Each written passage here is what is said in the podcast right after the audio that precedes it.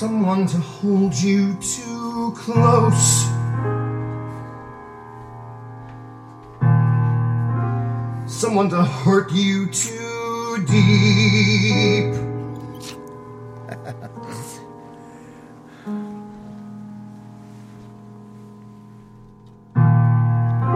Someone to sit in your chair to ruin your sleep.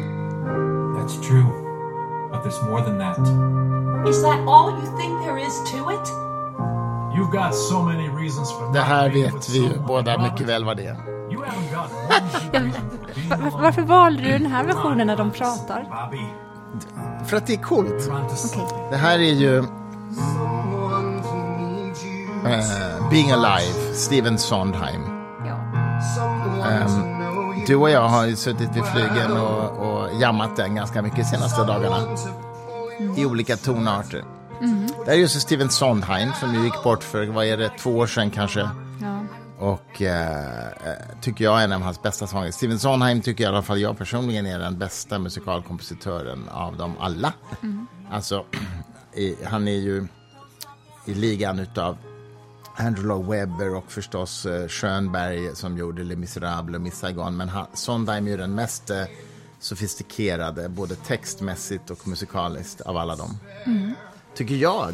Jag kan ju inte så mycket musikal. Du är väldigt bra på musikal. Ja, jag har lärt mig. Många tror att det är för att din exfru var, är musikalstjärna, men du har ju varit besatt av musikaler långt innan du träffade henne. Ja, det är faktiskt sant. Ja. Eh, jag tycker mycket om musikaler, det gör jag, ja. Eh, sen är ju musikaler liksom ett sånt här koncept som Musikaler innefattar ju också så här Grease och Rocky Horror Picture Show och sånt där. Och det skulle jag ju inte gå på även om jag fick betalt. Sitter och lipar ihjäl dig på Grease. Så att musikaler är, som ett, det är ett väldigt vitt begrepp. Men de här som faktiskt berör, Kristina från Duvemåla utav Björn och Benny är ju, tycker jag, en av de finaste musikaler som har gjorts någonsin.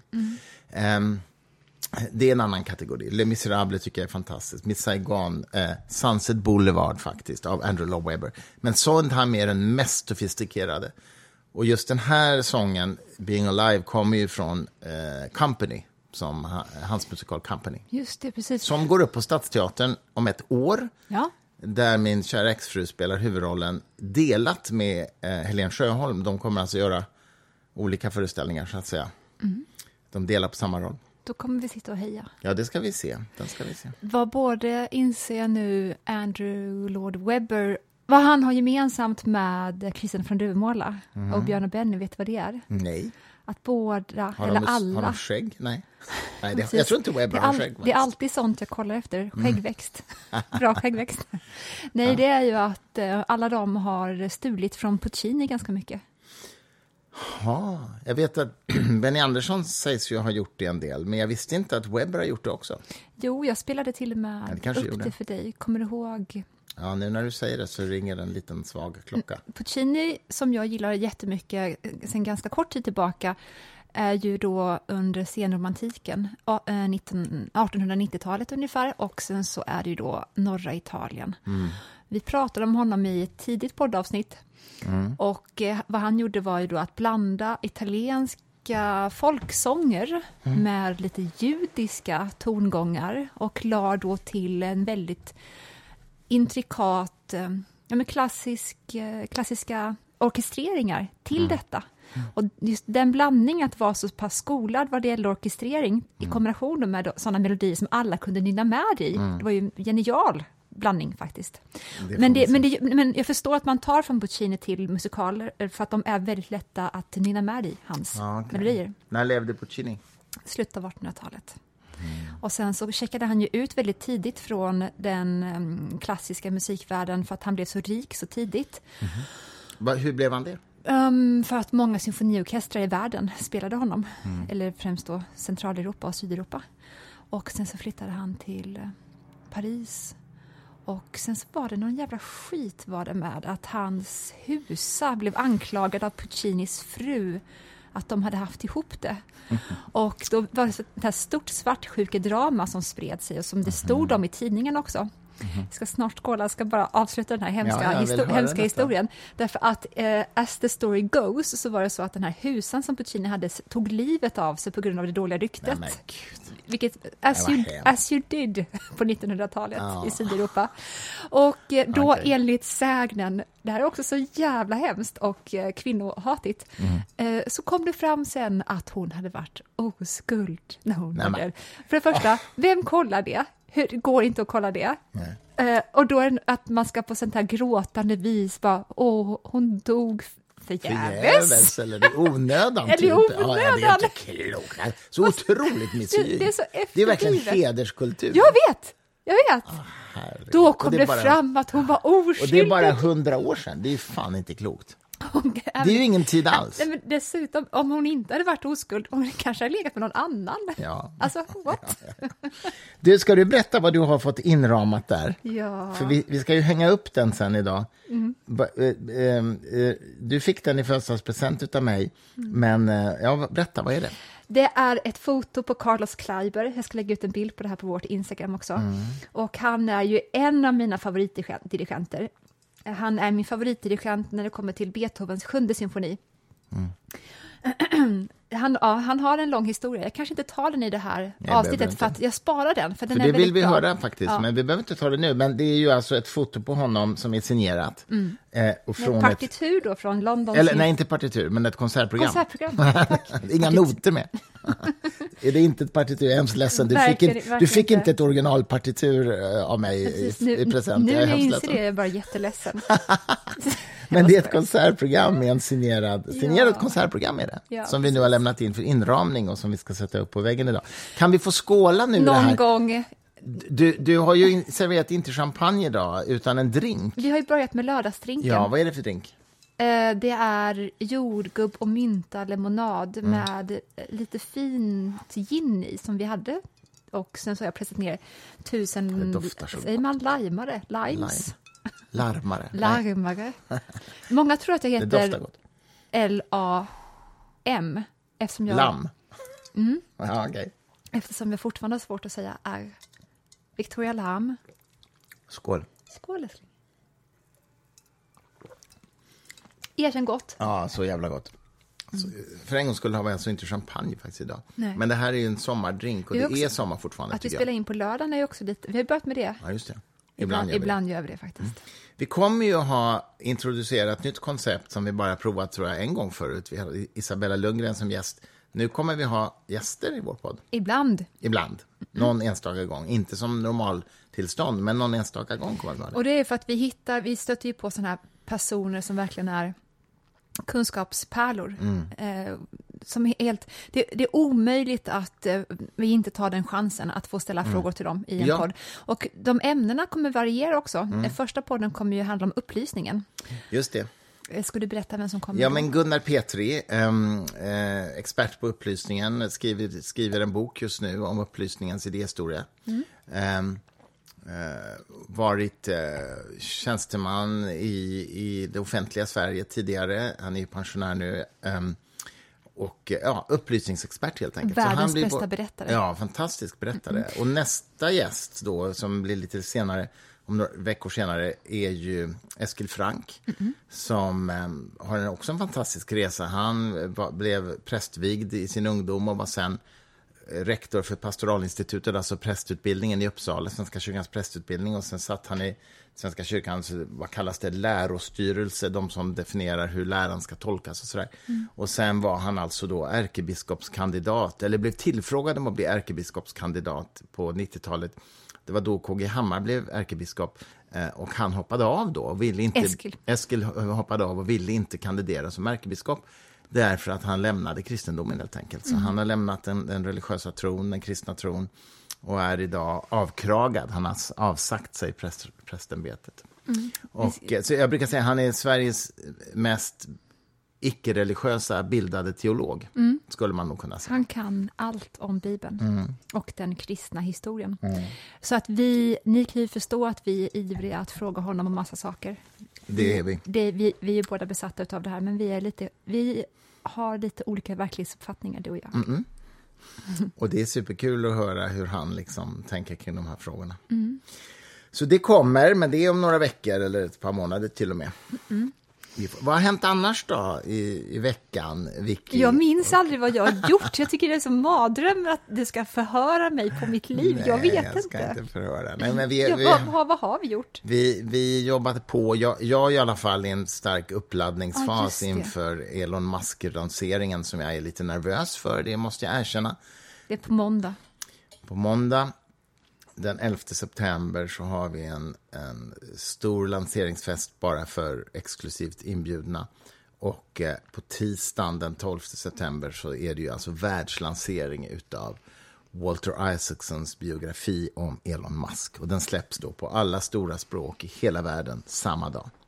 Och vi lanserar den 30, svenska. över 30 länder släpper den Ja, samtidigt. minst. 32, Alltså, jag kan inte komma ihåg exakt, men det är absolut. Alltså, det är ju, den är ju worldwide. Liksom. Mm. Och eh, Walter Isaacson är ju eh, oerhört meriterad biografförfattare. Han skrev ju den, den välkända biografin om Steve Jobs Mm. som jag läste med stor behållning, kommer jag ihåg. Och han skrev Einstein-biografin som är fantastisk. Och det gjorde han ju efter Einsteins död, obviously, för Einstein dog 1955. Men Steve Jobs tror jag, jag undrar om han levde när den skrevs. Jag minns inte det. Minns inte nu. heller. Men Elon Musk är ju i högsta grad aktiv och eh, Walter Isaacson har ju liksom fått hänga med honom på alla möten och även privat jättemycket under tiden. Mm. Men Elon Musk har då inte fått läsa det här överhuvudtaget så att han har inte sett boken förrän den nu är tryckt. Eh, bara, nu För att inte kunna påverka den helt enkelt. Eftersom du är förbunden vid avtal att inte visa manuset för någon annan så har ju såklart inte jag tittat på det. Nej. Men utav, efter vad du har berättat, vilket du har fått göra, så verkar ju den här biografin vara bland de få som faktiskt innehåller en, en intressant barndom. För någonting som kan få mig att inte vilja köpa biografier så är det just att jag behöver ta mig igenom deras barndomar. Och då kan man ju undra, men du som jungian och som skönlitterär författare, hur kan du tycka att barndomen är så intressant för folk? ja. Jag tycker inte det i regel. Problemet är att nästan allas barndomar är väldigt ointressanta. det är bara det att väldigt många fattar inte det. De tror av... Att deras eh, egen barndom är ja. intressant. Ja. men den håller inte innehållsmässigt. Väldigt sällan. Oprahs barndom in, eh, har det, så att säga. Har den det? Ja, Berätta om den. nej men gud, det, det. Mhm. det är fruktansvärt. Det är I metodistkyrkan och det är våldtäkter och det är att hon födde barn när hon är liksom 13 år gammal och sådär. Mhm. Det är en sån jädra resa som verkligen ligger bakom att ja, man, man beundrar hennes styrka. Men, och jag tycker att Obamas eh, biografi är intressant. Mm, den var bra. Ja, även om barndomen.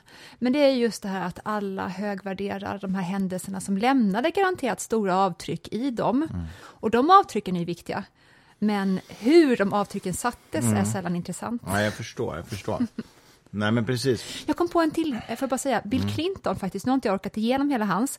Men eh, det är väldigt intressant att höra honom resonera, eller självreflektera om, att han ibland kunde dela sig på två när han var liten. Men, Bill Clinton. Mhm. han hade liksom två versioner av sig själv, vilket verkligen tyder då på att man inte är, man, ingen är integrerad som barn, men det där är en nivå av ointegration, Mhm. om man nu kan använda uttrycket så. att han är ointegrerad. alla- Ja, precis. Så, Ja. Mm. på, en, på en nivå som är häpnadsväckande.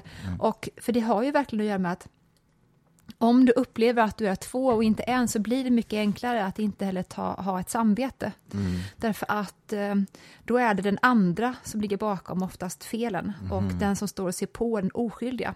Och den oskyldiga vill sällan känna igen sig vid att den som gjorde det där, det där hemska, det är också jag. Mm, jag fattar. Jag fattar. Det är som en psykologisk klyvning och det är oftast, väldigt ofta är det bara väldigt svåra trauman som ligger bakom den sortens klyvning i självuppfattningen. Ja, det har man hört talas om lite grann, att det är en slags, den här dis, disassociationen Ja, från den andra e, e, e, e, personen.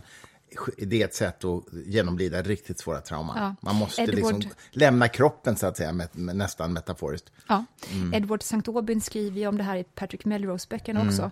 När han eh, blir utsatt för sina trauman så ser, då är, sitter han på gardinstolpen. Mhm. Och han beskriver då hur han även sent upp i livet aldrig har lämnat den där gardinstängen eller stolpen. Mm. Intressant. När det, gäller, när det gäller Obama och Clinton också väl, så var det ju de själva som skrev, va? eller hur? Så det var ju memoarer. Till skillnad från eh, Elon Just det, det var Musk-boken ju det som är en Obama biografi. fick, fick så mycket praise för, att han har ett fantastiskt språk, att han är bland de få som Mm. Ja, klarar men den det. var skitbra. Alltså, jag, jag läste den med stor behållning och han skildrade ju även samtida politiker ganska rakt upp och ner. Alltså, eh, Sarkozy, va? Sarkozy fick ju ingen smickrande beskrivning direkt, kan man säga. Vilken liten plutt, va? Ja, det var, det var ganska elakt. Men, men det var... Han, ja. Nej, men, men det är som sagt det är ju memoarer. Alltså. Den här Elon Musk är ju inte en memoar, det är en biografi. Eh, Nej, men man är fortfarande bunden eh, till att redogöra för saker, i, ibland in i detalj. För att ifall man inte får med dem, då kan det inte räknas vara en biografi eller en självmemoar. Eh, och samtidigt då så är de kanske inte så intressanta. Men man måste ändå ta med dem. Det är mitt problem med for- formatet. För att alla kommer säga, varför hoppade han över de här åren? Då kan man inte bara säga, för de var tråkiga. Mm, ja.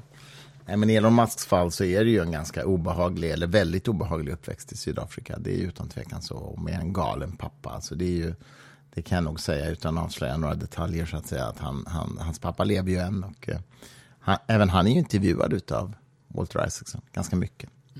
Ehm, och Elon Musks inblandning i, i kriget i Ukraina har ju slagit ner som en bomb. Det har ju redan faktiskt skrivits läckt lite grann ur memoarerna om det. Skrev i t- tidningen Times, hade en stor artikel om det nyligen.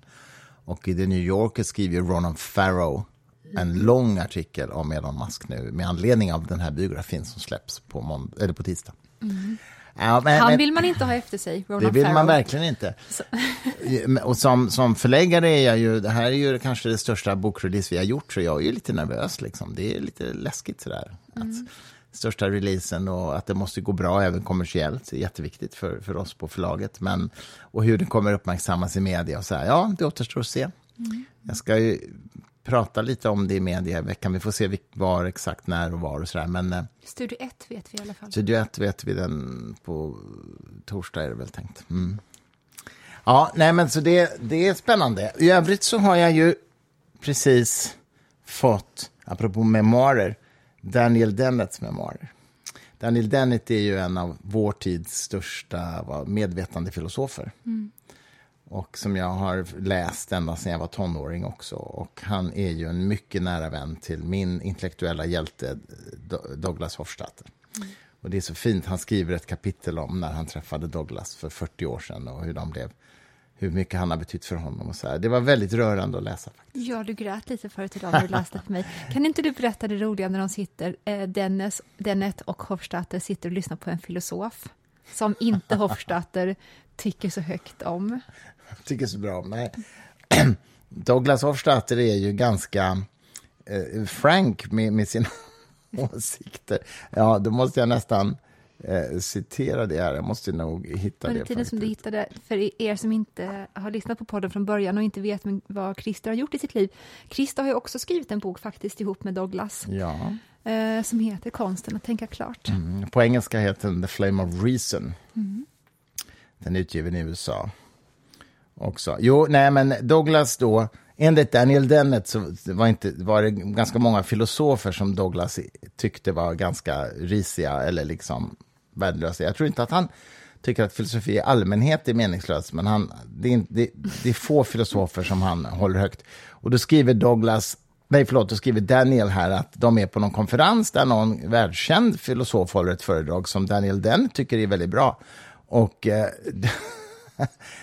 Douglas eh, säger, vi, vi, viskar till Daniel Dennett när de sitter i publiken. How can you stand to listen to this stuff, säger han. Eh, och, eh, och, Daniel Dennett insisterar på att han ska lyssna, för det här är liksom intressant eh, filosofi, originellt, nya tankar och så vidare. så vidare. Efter en stund skriver Douglas Hofstadter på en lapp till Daniel Dennett. You remind me of Chopin and Mozart. I love Chopin and I can't imagine how Chopin uh, can have such a high regard for Mozart, whom I usually find boring and vacacious. Det är uppenbart så att uh, Douglas Hofstadter inte gillar Mozart i alla Nej, fall. men, men Chopin gjorde det.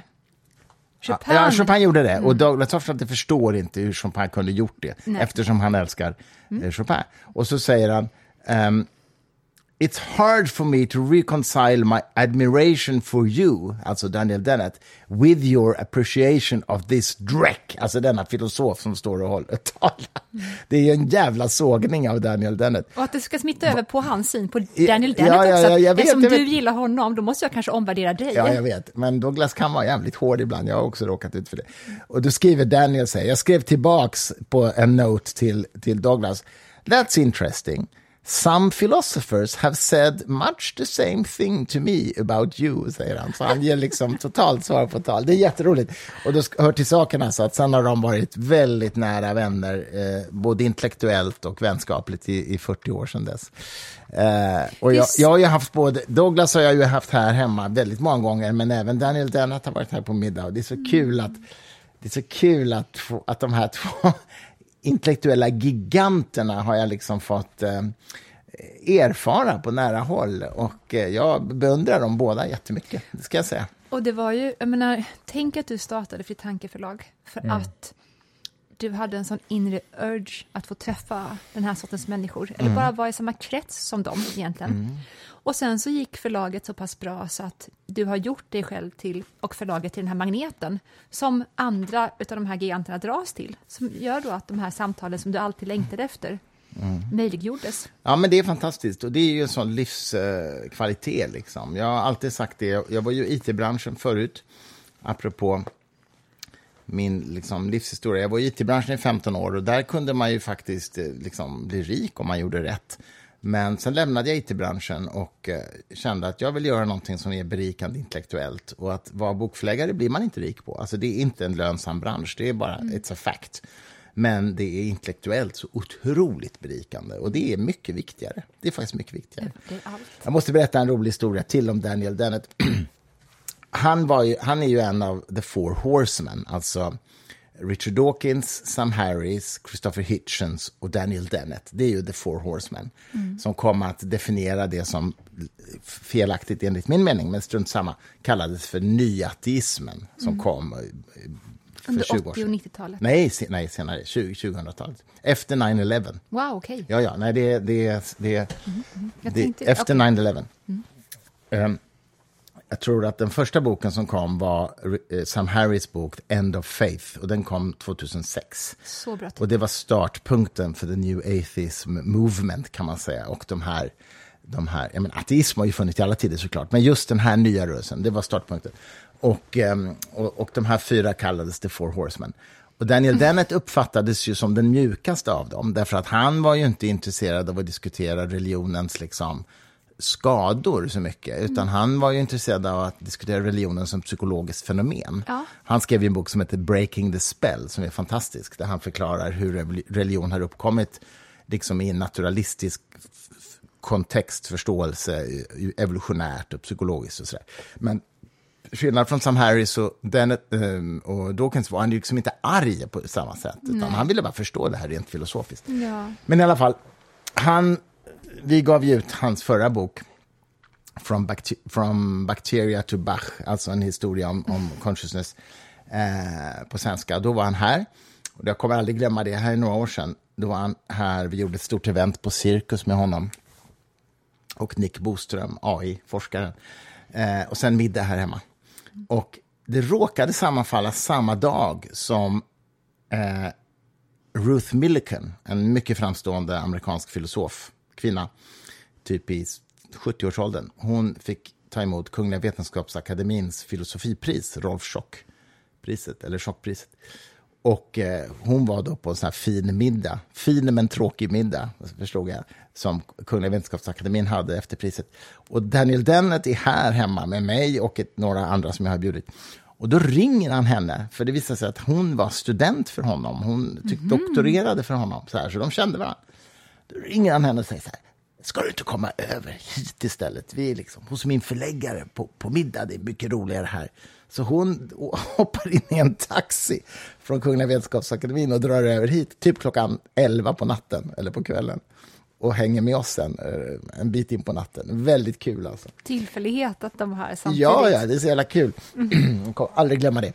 Och på den tiden hade jag ju ett flyktingpar från Bangladesh boende i mitt lilla gästhus och, och Eh, Eh, hustrun där var ju praktiserande muslim.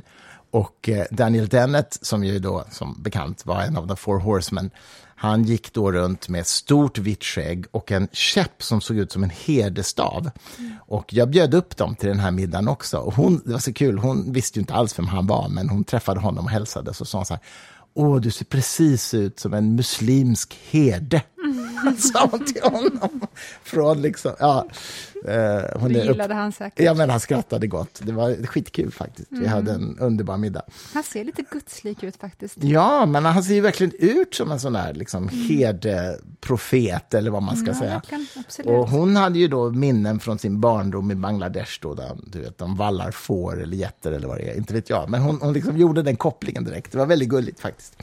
Jag eh, lyssnade inte jätte- jättemycket på The Four Horsemen som grupp innan du och jag träffades. Alltså jag kände till begreppet såklart och jag har hört dem x antal gånger. Men Dennets relation hade jag främst till som medvetande filosof. Mm. Ja, det är det han är egentligen, så att säga. Ja.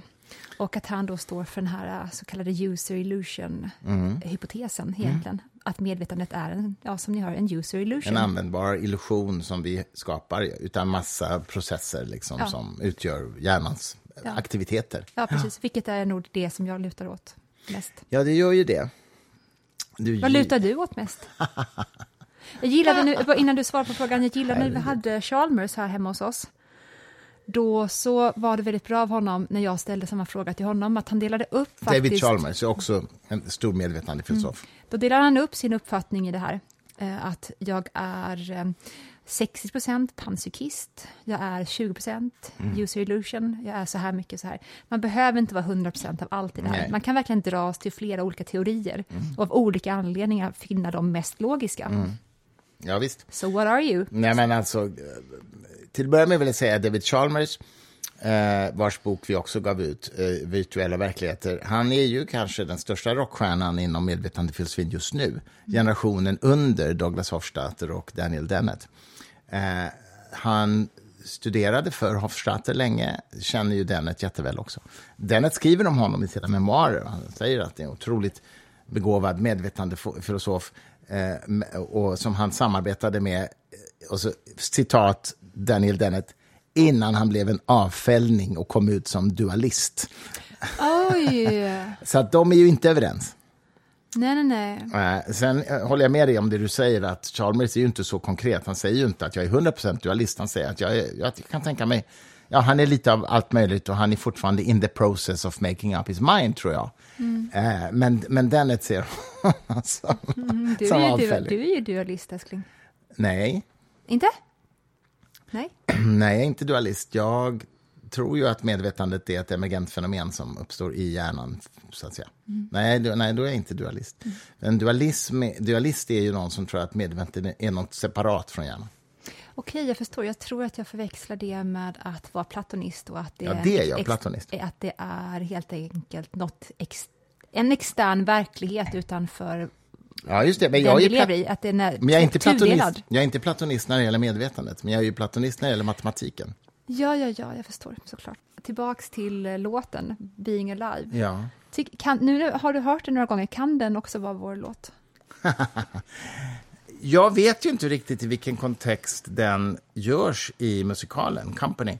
Det måste vi nog nästan se först. Så att det inte är att någon sjunger den för någon innan den gör slut, ungefär. För då vill man inte precis. ha den. Det är det som är så pinsamt. Jag vet inte hur många gånger jag har hört om så här brö- blivande bröllopspar som säger att åh, kan vi inte ha Olle Adolfssons Nu har jag fått den jag vill ha liksom, i kyrkan. Mm. Och då får ju vän av ordning säga så här, nej, det är nog ingen bra idé. Eh, den handlar ju om en kärlek som dör. Ja. Det är ju hela låten. Och att den var också fördömd från början. Ja. Ja, Eh, men jag menar, den texten går så, nu har jag fått den jag vill ha, den jag ville ge min kärlek alla mina dagar. Men sen är det ju tystnaden smyger som en katt genom rummet. Och där ute är luften redan grå. grå. När slutade vi älska varandra? Det är, ju, det är ju liksom det låten handlar om. Det är inte jättebra val att sjunga i kyrkan på ett bröllop, eller hur? inte jättebra. Nej, det är bra att lyssna på texten. Ja, det kan vara en fördel att lyssna mer än första strofen eller titeln. Liksom. Men du älskling, vad var vi nu då? Vi pratade om, eh, precis, du är dualist när det gäller... Jag är in- Nej, inte Du är dualist. inte dualist när det gäller consciousness, Nu får du reda upp det här lite. men du är platonist när det gäller matematik. Mm. Precis. Så är det. Gamla, gamle Gödel och hela den historien. Aristoteles, jag, stötte på en rolig kontrast, eh, eller en, någon som definierade så kul kontrasten mellan Aristoteles och Platon. Och att Platon var den här som bara satt och ville tänka på världen och dess fenomen och hur de eh, var uppdelade och vilken sorts eh, verklighetsanspråk de här olika objekten gjorde. Medan Aristoteles då var en, en, en empiriker som inte hade något emot att få hans liksom, händer smutsiga. Nej. Så att han liksom dissekerade ålar till exempel, letade Ja, efter deras det. Mm. testiklar som är besatt. De finns ju inte. Det är bara att, tydligen att de ska finnas, trodde han, men han hittade dem aldrig. Och han var också... Mm. Sen så hörde han också liksom att, eh, förlåt för det här då, men eh, sperma från afrikaner skulle vara svart. Och det undersökte han Trodde också. Det var den inte. Precis, ja. Men han var verkligen en värld, världens man som var ute och räknade och kollade och undersökte medan Platon satt och tänkte. Ja, men det är ju verkligen skillnad mellan empirikern liksom och... eh, Ja, men precis. Det är ju, det är ju liksom två skilda approacher, rationalisten och empirikern. Vem Den är du? Man kan, Utav de två. nej, men jag är nog empiriker, så att säga. Men men alltså det, det där flyter ihop därför att den kreativa processen att tänka är ju den som kan bidra till att uppställa hypoteser. Men sen måste de testats, testats för, att, för att vara relevanta överhuvudtaget. Så att i den meningen är jag empiriker. Ja, det som kan testas då, Ja, det vetenskapligt testas. såklart. Ja, precis. Ja, ja. Det är svårt att vetenskapligt testa ifall Platons grottteori stämmer eller inte. Det går inte. Nej. Då befinner man sig i ett metafysiskt realm egentligen, eller metafysiska antaganden. Absolut. Och där är ju svårt då för vetenskapen att... Absolut, men, men jag menar, ta den gamla grekiska idén om vitalism till exempel, att liv är en, en kraft som kommer liksom utifrån till exempel. Eh, den testas ju, nu har jag glömt vad han heter, men det här med att man trodde ju då till exempel att om du låter en köttbit ligga och ruttna, Kommer utifrån, vad menar du? Ja, så att- har inte jag tänkt på det. Att vitalism är en, en, en kraft som, som Finns i materia? Nej. eh, eller som sätts in i viss materia så att den börjar leva. Ja, det är väl det som är liv då. hela Golem-idén och att liksom, alltså en livskraft som kommer utifrån.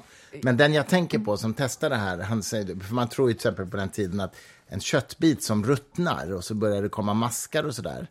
Det, det, det trodde man liksom kom ifrån köttet självt så att säga. Ja. Och då gjorde han ju det här berömda experimentet där han lägger en köttbit i luften Aristoteles. Nej, nej, nej, det här gjordes, jag har glömt vad han heter nu bara för det, men det kommer. Ehm, det är på typ 1700-talet eller 1800-talet. Ja. Och en annan kött under en glaskupa. Och så får de ruttna lika länge. Och då är det ju så att den som ligger ute i luften, den börjar få maskar och kryp i sig. Men den som ligger under glaskupa får inte det. Därför att det, det kommer inte, de kommer inte åt den, så att säga. Ehm, eh, så, att det, så livet är inte någonting som kommer från köttbiten självt, utan det är ju som sagt Nej, precis. utifrån. Och, men de hade fortfarande två stycken olika inriktningar på vitalism. Det ena var ju att när liv uppstår, alltså när vi blir födda, Mm. när pla- planter eh, uppstår från frön och så, då är det alltså en egenskap i materien som eh, innefattar en viss livskraft. Ja. Den finns där i materien och det är den som gör att materien beter sig levande Mm. och till exempel vänder sig mot solen när, det, när solen stiger och sådär. Mm. Det är på grund av den här vitalismen. Men också då den här idén att man blåser in anden i människan. Ja, just det. Och Att det är den jag pratar om egentligen. Ja, precis. Och, så det, och det är också, det är också vitalism. Ja, det är en annan Absolut. variant då, ja. Och det var ju varit den här då fantasin som människan har haft i all tid, att människan ska kunna få liv att uppstå i materia. Mm. Och det är det som då gestaltas i den här sagan som är i Gamla Testamentet, när judarna, judarna som ett kollektiv också, nej, jag menar en judisk Mm. man, försöker då bygga en sån här lergubbe som den ska få golem. golem. Och som straff då, för att det gillar ju såklart inte Gud, så han straffar ju ihjäl den här stackars judiske mannen Mm. för det. Nej, men Golem är ju, det är ju en del av en liksom judisk um, folkmytstradition kan man säga. Just den, att, att ma- skapa levande varelse ur lera. Och det är ju det är ju häftigt för att det är ju en arketyp som går igen i så oerhört mycket. Det går ju igen i Mary Shelleys Frankenstein. Det är Ja. också en golem. Ja, Pinocchio, sagan om Pinocchio. Eller ja visst. artificiell intelligens. visst. Som Där, diskuteras idag så mycket. Ifall man tycker att arketypbegreppet är svårt att greppa genom att till exempel jag har försökt definiera det för er eller att ni googlar det och sådär. det är mycket enklare att förhålla sig till de här arketypbegreppet genom att man får sådana här bra exempel. Och ehm, just det här med att människan har blivit besatt av samma fantasi om och om igen, i det här fallet då, att vara den som tar Guds plats och kan skapa liv eh, med våra bara händer, och hjärna såklart. Det är en sån klassisk arketyp. Den uppstår i olika kulturer vid olika tider. eh, Men den är fortfarande reaktuell för människan om och om igen. Och eh, den tar sig olika uttryck såklart då. Eh, Men den är en, en drift och en önskan som rider oss nästan. Som tar grepp om oss, som vi inte kan sluta tänka på. Inte gemene man såklart, men många. Och det är just det där att när en arketyp kommer och tar oss, då märker vi att vi är nästan i arketypens grepp. För vi kan inte sluta tänka på det. Och eh, vi börjar inordna vår dag efter att kunna genomföra det arketypen vill att vi ska genomföra. Och det, det är på samma sätt som Jung sa då att människan har inte idéer, idéer har människor. Det är samma tanke med arketypen. Det är verkligen det. Och jag tycker det är så fascinerande för att det är ju så uppenbart att idéer har kunnat fånga in människor på, också på väldigt destruktiva sätt, men ibland på väldigt positiva sätt. Men på ett sätt så att människor blir besatta verkligen. Ja, visst. Och Jung menade ju att idéer, precis som människan, har en skuggsida och en ljussida. Så att precis varenda idé som människan är kapabel till att tänka finns det en destruktiv sida till som kan vara förgörande, men det kan också vara den som räddar mänskligheten. Exakt, Ja. så är det ju. Och eh, det, det, det här är ju precis vad debatten om AI handlar om idag. Det är somliga säger att det förgör oss och andra säger att det kan rädda oss. ja, visst. Och samma som man hade med atombomben såklart Ja. också. Det är samma. Det var någon som sa till mig häromdagen att en AI har ju upptäckt till exempel att man kan skapa vikbara proteiner. Jag, jag kan inte ens förklara vad det är för någonting. Men det är alltså, Vikbara. ja, det är, en, det är en medicinsk upptäckt i alla fall som är gjord av en AI och inte utav en forskare nyligen. Wow. Det är rätt coolt. Du, kan vi inte också ta... Du, du har, ju fick, har ju fått ett antal läsarfrågor. Och jag vet att du hade en läsarfråga som vi pratade om att vi skulle ta, men sen glömde vi bort det förra gången. Och det var någon som hade skrivit så här.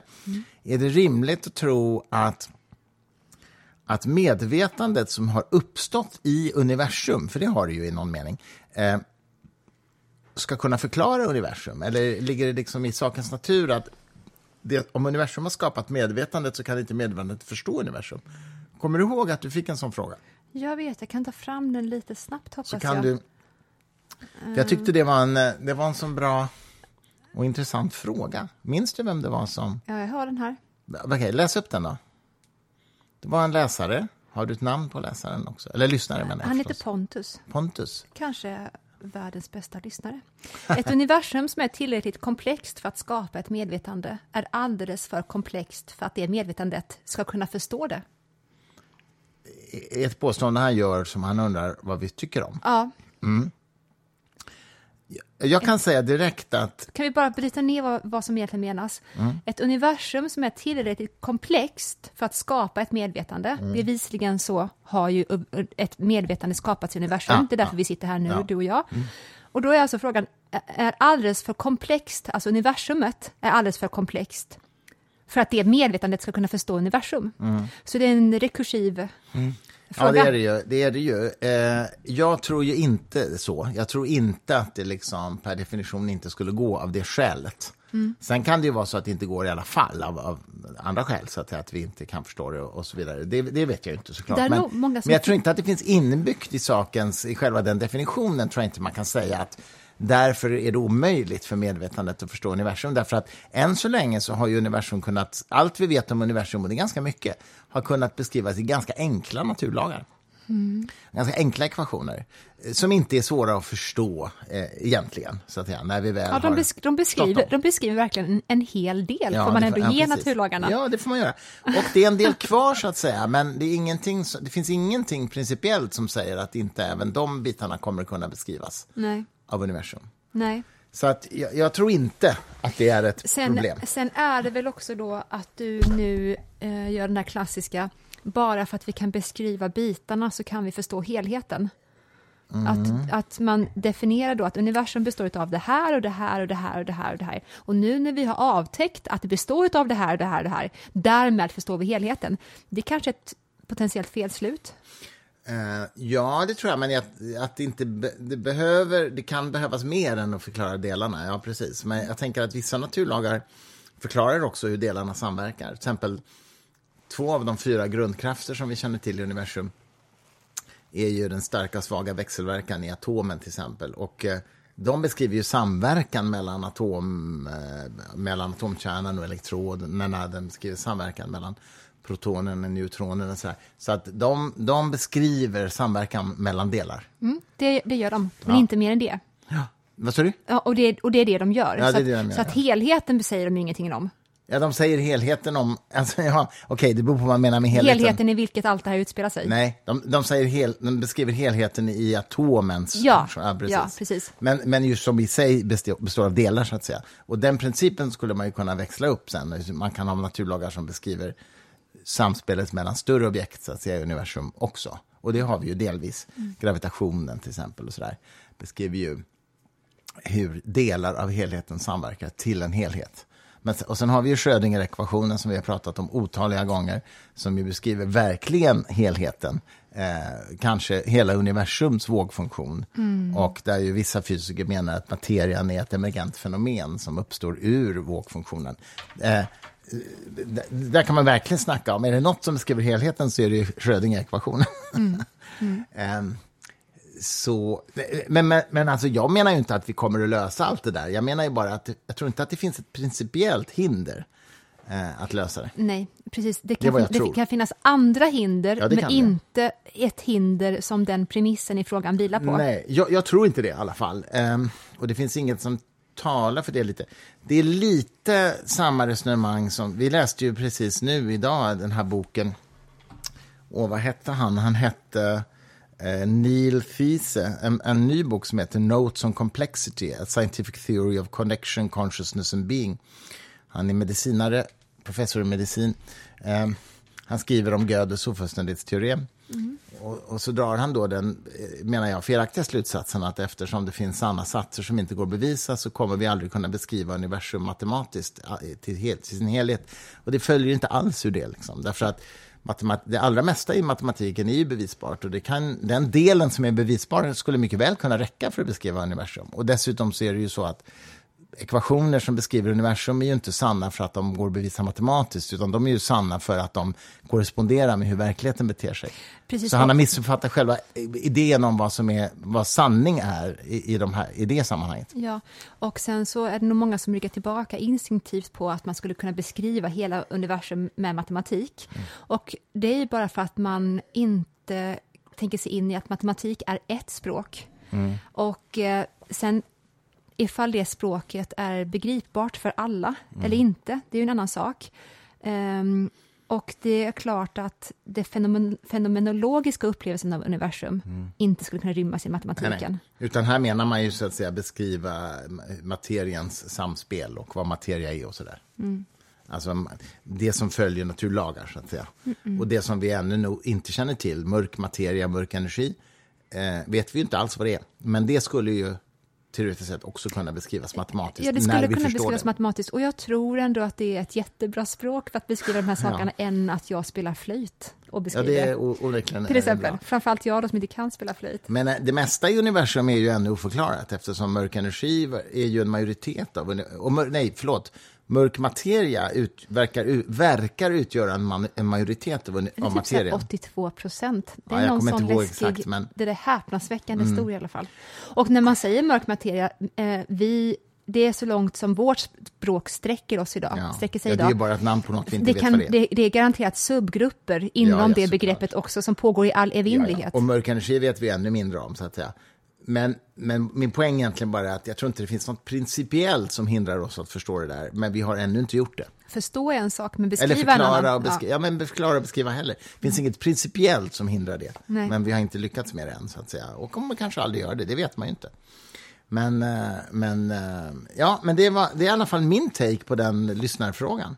Har du en annan take på den, eller delar du den ungefär som jag? Nej, men jag delar din uppfattning om att eh, em, komplexiteten i universum är inte anledningen till att medvetandet inte skulle kunna greppa det. Nej. Men ehm, jag har ju också en syn på medvetandet som kanske inte Pontus delar och det är ju... Jag har... Så här, jag tror att jag, framför allt när vi har middagar och sådär, då tror jag att när folk har en liten aning om vad jag håller på med och vilka, vilka intressen jag har, då tror jag att många blir förvånade över att jag inte tror att medvetandet är någonting... Att det finns. Nästan. men jag, många av de som jag också umgås med som är troende på olika sätt, för dem är liksom det här med consciousness en helig graal. Man, eh, man rör inte den nästan, därför att de associerar medvetandet till att det är där som Gud finns i oss. Och det tror ju inte jag. Nej. Jag tror förvisso att vi har någonting inom oss, som jag sagt tidigare, som är heligt, eller evigt bättre. Och att verkligheten är konstituerad av det här eviga och att det gör sig gällande ibland oss. Jag tror det. Men jag vet inte fasen ifall det skulle liksom, att det är i medvetandet just. Ehm, så att jag har, och det kanske också är för att jag har varit så länge inom de öst, östtraditionerna. Därför håller man sig till det här med medvetandet som en... Det är en del utav självutforskandet, att se vad medvetandet är för någonting. Men vad betraktar medvetandet? Och det är då som då, framför allt inom Vedanta som jag älskar så mycket, det är då man hamnar i självet istället. Och för dem är självet alltså mycket djupare än medvetandet. Jag skulle nästan vara säker på att man inom Vedanta kan hålla med om att det är ett emergent fenomen utan problem. Eh, Och det här ligger ju lite i linje med den, det har vi pratat om förut, den här fysikern som skriver om monism. Det pratade vi om i förra podden. ja, du har ju börjat outa dig själv till höger och vänster som värsta monisten. Nej, men alltså att, att materian kan vara ett emergent fenomen i då eh, den här vågfunktionen som Schrödinger beskriver och, och som ju i i någon mening då är mer underliggande och i den meningen enhetlig och evig där materian är så att säga, tillfälliga manifestationer, Ja. eller emergenta manifestationer Ja. Av det. Ja. Och det roliga är ju att fysiken idag ger då visst stöd för den hypotesen. Det är en hypotes, precis som du säger, som har funnits filosofiskt sedan urminnes tider, inte minst i Vedanta, men även i andra filosofiska Grekland traditioner. också, grekiska traditioner. Eh, och Vedanta är, hur var det, det var från 200-talet? Nej, Nej, det är 700-talet, inte det. efter, Ja. efter vår tid. 780 eller 760 efter Kristus. Men, men även då äl- ännu äldre traditioner. Och, eh, ja, fysiken ger visst stöd för den för hypotesen. Allt är ett, så att säga. Ja, precis. Vilket ju också han nosar på i Helgoland, Carlo Rovelli. Ja. Jag har ju eh, börjat eh, fortsätta min resa när det kommer till hermetiken. Just det. Och, eh, Giordano Bruno. ja, och Copernicus Mm. och Galilei och Galilei. Vilket jävla svängigt namn han hade ändå, eller hur? Galilei, Som en Galileo. buggdans Mm, nästan. Jag vet. Och sen så, vad heter det, Kepler såklart. Mm. Är det inte dags att vi ännu en gång drar den här roliga historien om att Kepler var så förtjust i sin mantel?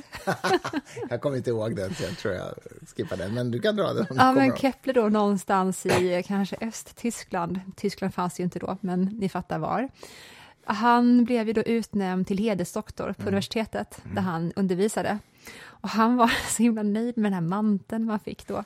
Men blev ju i den här byn eller staden där han bodde så hördes det ibland så här raseriutbrott från Kepler eftersom bordellen som han så ofta besökte sa liksom att du kan inte gå in här med manteln. Det är inga mantlar i det här huset. Och han var Mantelförbud. rasande för att han, vill, han skulle absolut ha på sig manteln in i bordellen. Ah, Vem var han liksom? Det är Ja, så det är sjukt. Lite rolig också. Eh, I alla fall. Hela det här gänget var ju då så kallade hermetiker, Mm. det hade en hermetisk grundsyn på universum som skilde sig från då den kristna. Och det var ju då att solen var i centrum och inte Mm. jorden och att det fanns, precis, de, den, det fanns flera universum. Mm. Eh, människan hade gnosis inom sig, det är ju en grekisk tanke också såklart. Eh, det vill säga en form av gudsfrö. Och att vi genom självreflektion och genom att lära känna oss själva kommer i kontakt med Gud. Och att institutioner snarare är skadliga i den här resan. Så att de var ju väldigt emot så mycket som man vågade vara på den tiden, katolska kyrkan. Jag har ju då läst och kommer läsa 43 000 böcker till om detta och jag måste då göra mig själv besviken och flera andra och berätta att som det ser ut nu så det är inte en jättegammal tro det här med her- hermetismen. Eh, myten säger att eh, Hermes Trismegistos skulle vara en person som var en egyptisk präst som levde nästan samtida med Moses. Vissa under renässansen var till och med ivriga att säga tänk om han var Moses. Det kanske är så det var. Eller att någon av Moses söner så småningom då blev den här hermetiken. Men eh, förmodligen är det så att den här så kallade läran eller kulten egentligen uppstod i Grekland. Och att den gjorde det på ungefär 200-talet efter Kristus. Och att det var helt enkelt bara massa greker som hade en jätteromantisk bild om Egypten utan att det egentligen har varit där jättemycket. Så när de sitter liksom och typ dricker och orerar och myser runt kring vad någon känner att Egypten är, så skriver de ner det här sen. Och då är det ju en otrolig pietism som finns reflekterat i den här Corpus Hermeticum-boken som går att läsa än idag. Och det är jättemycket stoicism. Och framför allt är det väldigt influerat av Platon och inte alls som renässansmänniskan trodde före Platon. Och det blir också så att när de läser eller upptäcker de här böckerna, skrifterna under renässansen i Florens, då tycker man också att det är otroligt att de här texterna förutsåg att Jesus skulle komma, för de pratar om Människosonen, Son of God, i de här texterna. Och det är inte så svårt att prata om Människosonen ifall han levde för 200 år sedan och det finns en hel del kristna i omlopp omkring. Så att då är det ju inte någon uppenbarelse som de har fått i renässansen, människans förhoppning, Nej, jag förstår. 1200 år före Kristus, Ja, ja, för då kan jag hålla med om att det är imponerande. Mm, ja, jag förstår. Det var intressant. Är det allmänt accepterat att, att det uppstod då, eller är det bara en av många Det är den, tro, det är den troligaste hypotesen. Det är den som är mest kosher i alla fall. Och de som hävdar någonting annat, bevisbördan vilar verkligen på dem. För att den enda referens, eller den enda källan som de har att hänvisa till är Augustinus. Och Augustinus skriver verkligen om hermetikerna och Hermes Trismegistos och berättar då att han går tillbaks till Moses tid. Han säger det, Augustinus, och sen så gillar inte han hermetikerna. Eh, Men varför det skulle vara så, det finns ingenting som går att belägga, utan förmodligen har bara Augustinus hört det här från någon. Men till exempel i Siennas katedral, och googla på det här för det är väldigt kul, hermetismen var så pass inflytelserik under renässansen så att avbilder av Hermes finns här och var i hela Europa. I Siennas katedral till exempel så har han en central roll, nästan lika central som Jesus på väggarna där inne. Hur han Wow, står och, och visar liksom upp de här pamfletterna som ska innehålla då eh, vägen till helighet och hur människan ska hantera sig själv för att Mm. bli ett med Gud. Gud, vad intressant. Du läser ju en bok nu om Bruno, eh, Gi- Giordano Bruno och hermetismen egentligen. Ja. Precis, Han blev ju bränd på bål för detta, för att han trodde de här sakerna. Han, var ju, han spelade ju psykiskt sjuk faktiskt beundransvärt länge. Visste du det? Nej. Precis som någon annan grupp människor som du berättade om någon gång så hade faktiskt katolska kyrkan ändå så att ifall du är psykiskt sjuk så, så kommer vi inte bränna dig för Mm. kätteri. Så det gäller ju bara att spela det jättebra, Mm. ungefär som i Gökboet. Jökbo. Vi såg en dokumentär om Jökboet, filmen nu, Ja. som var faktiskt väldigt bra. Ja, Nej, förlåt. avbrott. Det Nej. var inte Giordano som spelade psykiskt sjuk, det var Copernicus. Jaha, var det? Okej. Eh, jätteduktig på det, tydligen. Jökboet, för övrigt, en- denna fantastiska film, är ju en Kristushistoria faktiskt. Du har ju liksom de, de tolv lärjungarna, du har eh, Kristus, Satan. du har Judas som förråder honom. Ja, Jesus är ju indianen egentligen. Mm. Nej, nej, förlåt, det är inte alls, det är väl han som bara... Indianen är ju den som blir fri tack vare att Jesus dog. Ja. Han, han vaknar upp av Jesus död, alltså när... Ja, Jesus är väl Jack Nicholson. Ja, Och eh, Bobby Bibbit, är det han? det är han som är syndom. Det är han som tar livet av sig, tror jag. Ja, just det. Och, Men Nurse Ratched är ju Satan. Hon Ja, är byro, ja, byråkraten. vem är Judas? Den Jag vet, inte om, du, jag kommer vet inte om du har gjort en Victoria Larm där och bara klistrat in att det skulle passa så bra med Judas. Nej, jag vet inte om det sägs, finns någon. Jo, det tror jag.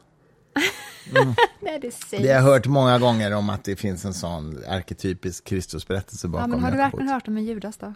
Har jag kommer inte ihåg det? nu, det är så länge sedan jag såg filmen. Du, skål, vi ska börja avrunda. Kan vi inte se den med Leo? Nä, jo, det kan vi göra. Nästa år ska du och jag fira 100-årsjubileum. Eh, Får vi säga födelsedagsskål för mig? Jag fyllde år Nej igår. men gud, vi måste göra om hela podden. Jag skulle göra en födelsedagspodd med dig. Jag vet, men det har du glömt. Blir du ledsen för det? Nej, Är det säkert? du kan prata med mig om det någon annan gång. Hur känns det att vara 59? Jag kommer att fylla år fler gånger, jag lovar. Ja, det är bra. Nästa år firar vi 100-årsjubileum. Mm. Jag fyller 60 och du 40. Då blir det party. Verkligen. Eller som du sa jättelogiskt igår, du fyller 40 innan jag fyller 60, så då får du fira 100 år själv. Skål. Skål älskling. Ska vi sätta oss på baksidan av huset sen, nu? I solen. Eh, jo, jag tänker faktiskt bjuda på slutet av Being Alive innan vi kopplar ner, för den är så otroligt maffig. Ja. Så att eh, vi säger tack för oss. Tack för att ni lyssnade. Ha en jättehärlig söndag. Ni måste höra slutet, för det är så jäkla pampigt. Jag kommer dra på det om en stund. Just nu är det bara upptakten här. Men det är en underbar lördag och eh, vi klipper och lägger ut det här direkt. Så tack för den här gången. Ta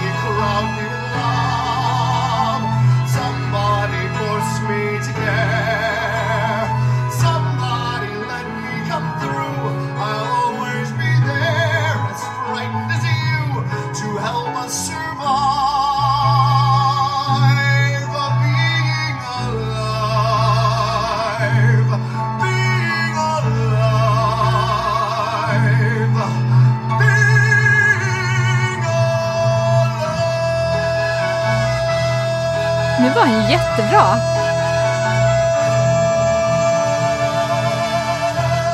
Han var ju mycket bra när vi hörde det så här. Eller hur? Så bra. Vi såg honom nämligen stå och sjunga det här på dokumentären om Sondheim. Det gjorde vi. Som för övrigt ju, han levde ju som, Sån ja, som Mm. homosexuell i, när, när det inte var så himla lätt. Bernstein var väl det lite också. Men han eh, höll det i garderoben tyvärr. Det är så kul, vår gode vän Adam Gopnik var ju väldigt nära vän med Sondheim fram till, fram till hans död. Och kommer du ihåg att Adam berättade för oss att Sondheim, vi pratade ju om Sondheim och Michel Legrand som både du och jag också högaktar som kompositör. Och Sondheim stod ju inte ut med honom. Va?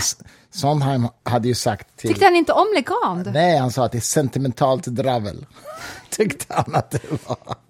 Ja, det kanske det är då. Är det det? Fast gentle är ju inte bara sentimentalt. Mm. Nej, jag tycker det är, jag tycker det är fantastiskt. Jag tycker det är fantastiskt. Ja. Jag har en bekant som faktiskt eh, fick möjligheten att hälsa på Sondheim ett par Va? år innan han dog. Vem då? Det tar vi någon annan gång, men eh, som Nej. träffade honom. Vi ska ju äta middag med Adam Gopnik i Göteborg på Bokmässan snart. Då ska vi bara fråga om Sondheim. Hela middagen ska Mm. Ja, bara ja, handla om Sondheim. Men du, nu ska vi avrunda. Tack för idag. Tack för idag igen. Hej.